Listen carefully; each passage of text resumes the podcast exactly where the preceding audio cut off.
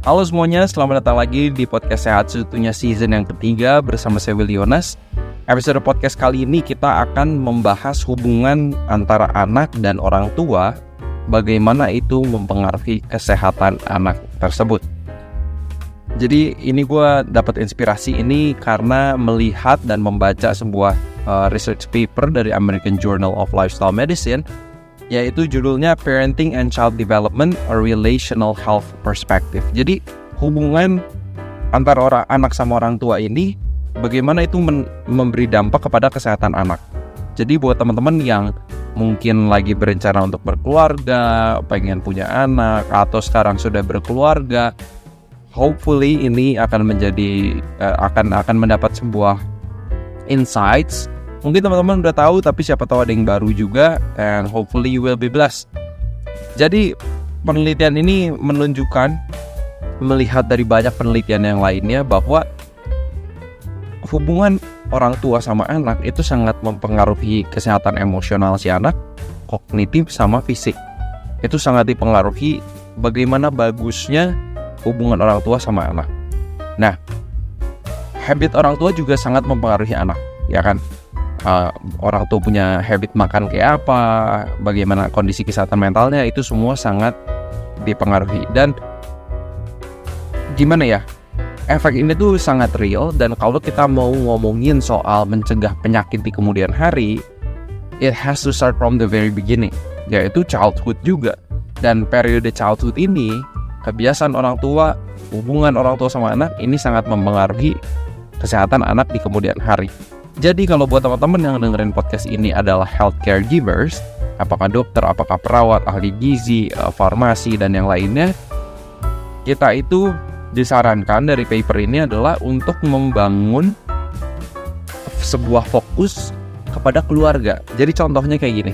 Kalau kita ngelihat pasien, ngelihat pasien ini compliant atau enggak, nurut minum obat atau enggak misalnya ini tuh kita harus ngelihat dari perspektif dari keluarga juga. Coba kita digging, gali lebih dalam dari bagaimana sih kondisi keluarganya. Dan bagaimana kita bisa me menyarankan mereka sebagai sebuah keluarga untuk mendukung kesehatan satu dengan yang lain.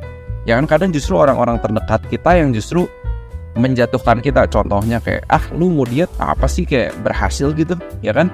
Jadi healthcare givers kita harus encourage family relations ini ini wajib banget. Udah gitu konteks keluarganya kita lihat kayak gimana tinggalnya di mana dinamika keluarganya seperti apa karena approach kita mungkin akan berbeda. Udah gitu juga kalau misalnya kita di klinik di rumah sakit kita bikin sebuah ruang tunggu yang family friendly. Itu juga sebuah memberikan wadah uh, supaya keluarga itu berinteraksi nyaman uh, hubungannya juga bisa bagus. Ya Udah gitu kita fokus kepada edukasi keluarga, mempromosikan gaya hidup sehat as a family. Jadi bukan as individual saja, eh ibu mamahnya ibu harus sehat ya, ibu harus olahraga. Tapi kita juga ngomong ke anaknya kalau ibu anaknya datang konsultasi gitu kan. Eh kamu kamu dukung mamah ya untuk olahraga. Jadi ini healthcare givers kita kita perlu banget fokus sama family. Ya, hubungan orang tua sama anak itu akan mempengaruhi kesehatan anak ya itu sangat sangat sangat sangat ter uh, sudah banyak penelitiannya soal itu. Nah ini uh, melihat dari perspektif bapak dulu ya bapak itu dari banyak penelitian menunjukkan itu lebih banyak support anak itu lebih ke attitude anaknya ke uh, apa yang anak itu percayai itu papa atau bapak itu punya role yang besar. Walaupun again dinamika setiap keluarga itu berbeda ya. Ini hanya in general ya. Uh, tapi yang menarik juga kalau misalnya ada di negara-negara tertentu salah satunya itu di Swedia paternal leave itu lumayan lama dan difasilitasi sama keluarga. Contoh kalau di Indonesia kan ibu punya satu keluarga berpunya anak, ibunya kerja, biasanya yang dikasih cuti lahiran itu biasanya ibunya aja. Ya, atau enggak I'm not sure ya actually nggak tahu ya kalau bapaknya dikasih izin juga. Tapi uh, kalau di Swedia bapaknya juga dikasih waktu libur yang lama supaya memang bapaknya sama ibunya dua-duanya itu punya waktu sama anak yang lebih. Paternal leave ini mungkin at policy level ya. Jadi ada hukum yang memang dibuat untuk untuk memfasilitasi orang ya emang untuk punya hubungan yang bagus dari anaknya itu masih masih kecil. Kalau ibu kita lihat dari perspektif ibu sekarang banyak ibu ini mensupport anak secara emosional. Jadi mental health ibu itu sangat harus dijaga karena itu dapat mempengaruhi mental health si anak. Ya, kalau misalnya ada yang bertumbuh besar sama kakek nenek, ya pasti pengaruh dari kakek nenek kebiasaan hidupnya, kesehatan mentalnya, itu semua akan bisa terpengaruh kepada anak-anak ini. Nah, contoh ya, ini kalau dari sisi kesehatan mental, kalau misalnya si ibu punya depression, punya depresi, Peneliti, beberapa penelitian menunjukkan bahwa ketika ibunya memiliki uh, maternal depression, ya depresi yang dialami seorang ibu, ini berkaitan dengan parenting mereka itu jadi nggak terlalu engaging ke anak. Udah gitu, healthy feeding, kebiasaan untuk uh, memberikan makanan sehat kepada anak ini juga kelihatannya terdampak juga. Udah gitu kebiasaan tidur juga terganggu. Jadi ini hanya hubungan ya, nggak selalu. Ini korelasi bukan causality. Jadi bukan berarti kalau mamahnya punya depression pasti kayak gitu ke anaknya, tapi ada, kayaknya dah ada kaitannya mamanya depresi, healthy feeding ke anaknya itu terganggu dan kebiasaan tidurnya juga keganggu. Jadi anaknya ini bisa mem mulai membangun habit yang kurang bagus dari dari dia kecil gitu ya. Mental health bapaknya juga ya sangat mempengaruhi uh, mental health anaknya juga. Jadi basically kalau kita sebuah seorang orang tua kita ini harus sangat memperhatikan kondisi kesehatan mental kita karena ini bisa berpengaruh ke ke banyak hal. Contoh ini ada satu fakta yang cukup menarik kalau menurut uh, gua dari research paper ini uh, dari Belsky model. Kalau mereka melihat bahwa kalau misalnya anak-anak ini punya adversity atau toxic stress experience pas mereka kecil, itu tuh akan merubah atau membentuk brain architecture dari anak ini. Ya dengan kata lain itu structural foundation dari otak mereka itu akan terpengaruhi sama efek dari kesehatan orang kesehatan mental orang tua yang kurang baik. Bayang ya. Jadi benar-benar early childhood ini sangat pengalaman yang anak-anak ini alami pas mereka kecil itu tuh bisa membentuk otak mereka seperti apa di kemudian hari. That's powerful, ya kan? Jadi kita harus sangat-sangat memperhatikan ini. Ini juga yang bikin gue kayak I, I think I want to share this di di podcast sehat seutuhnya. Kita ada satu platform lifestyle medicine namanya Utuh Health di mana teman-teman bisa telekonsultasi yang bebas ngantri di mana saja dan kapan saja. Buat yang struggle dengan hipertensi, diabetes, kelebihan berat badan, kolesterol trigliserida yang tinggi, kita ada wellness, plan-based, dan fitness guide consultation di mana teman-teman akan dibimbing tahap demi tahap untuk mendapatkan kesehatan teman-teman kembali. Buat yang bergumul ya dengan kesehatan mental, dengan anxiety, dengan eating disorders, dengan depression, bergumul juga dengan dinamika keluarga, komunikasi di keluarga, dan teman-teman kerja mungkin kita juga ada psikolog yang bisa membantu teman-teman.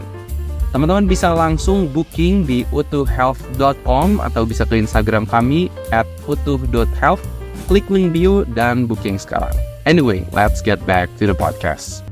Udah gitu, kalau misalnya kita punya pengalaman buruk pas kecil, ini disingkatnya sebagai ACE, ACE, uh, Adverse Childhood Experiences.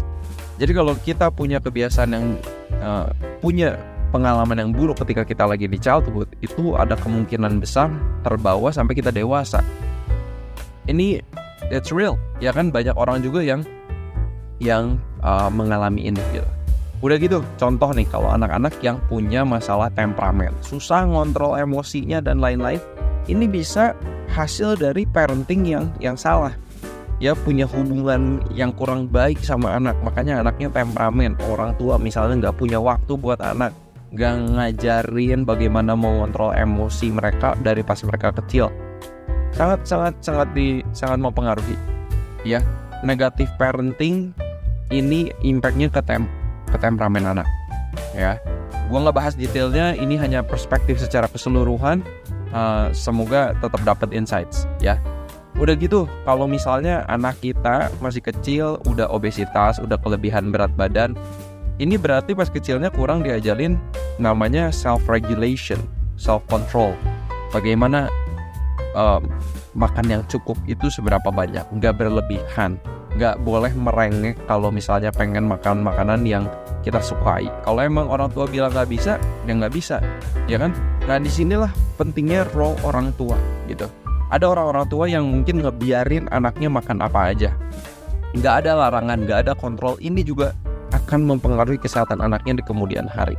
Ini contoh ya, kayak gue banyak ngelihat juga uh, kasus ini banyak orang tua yang kayak oh anaknya lagi nangis oh anaknya lagi kesel lagi emosi.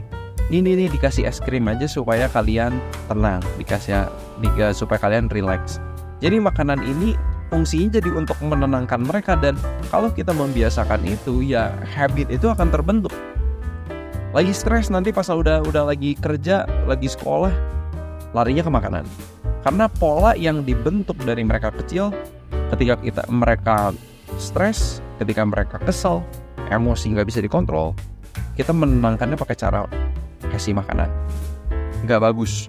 Itu di penelitian ini menunjukkan itu akan membuat sebuah habit yang akan merusak kesehatan anak itu di kemudian hari. Ya intinya itu.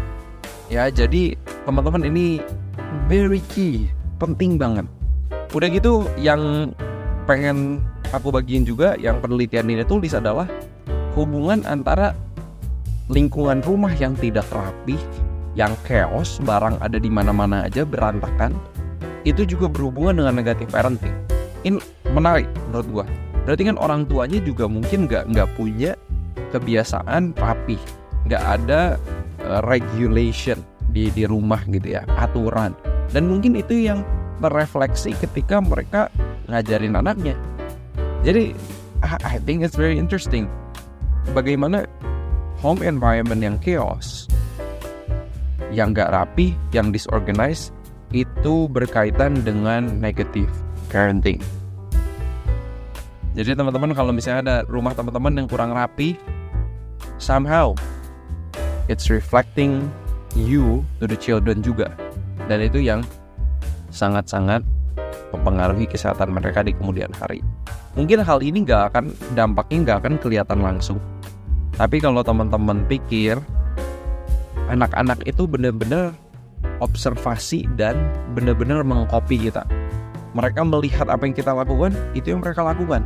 Hanya meniru. Anak kecil kan cuma niru. Gimana mereka cara belajar ngomong, itu basically emang niru cara ngomong kita. So, teman-teman, uh, parenting buat anak-anak kita dari kecil itu akan sangat-sangat mempengaruhi kesehatan mereka di kemudian hari apakah kesehatan emo emosi, uh, kesehatan mentalnya dia, sama kesehatan fisik dia.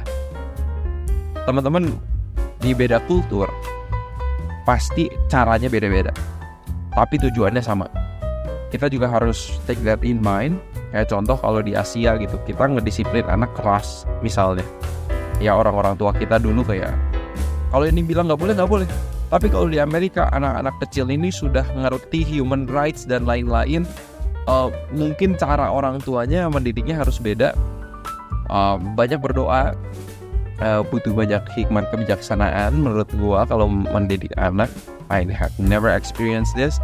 Tapi uh, sebagai anak gue bisa sharing dikit lah bahwa it requires a lot of patience uh, dari dan doa dari orang-orang tua kita ya.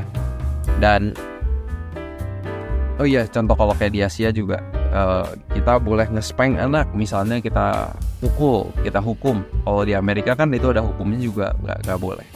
Anyway teman-teman ini refleksi pertanyaan refleksi yang teman-teman bisa pikirkan. Bagaimana hubungan teman-teman uh, kalau yang udah berkeluarga ya bagaimana hubungan kalian dengan anak kalian? Dan adakah kalian memberikan support secara mental uh, dan memperhatikan kesehatan fisik mereka dan menjadi contoh uh, hidup sehat untuk anak-anak mereka karena anak-anak ini belajar dengan cara meniru.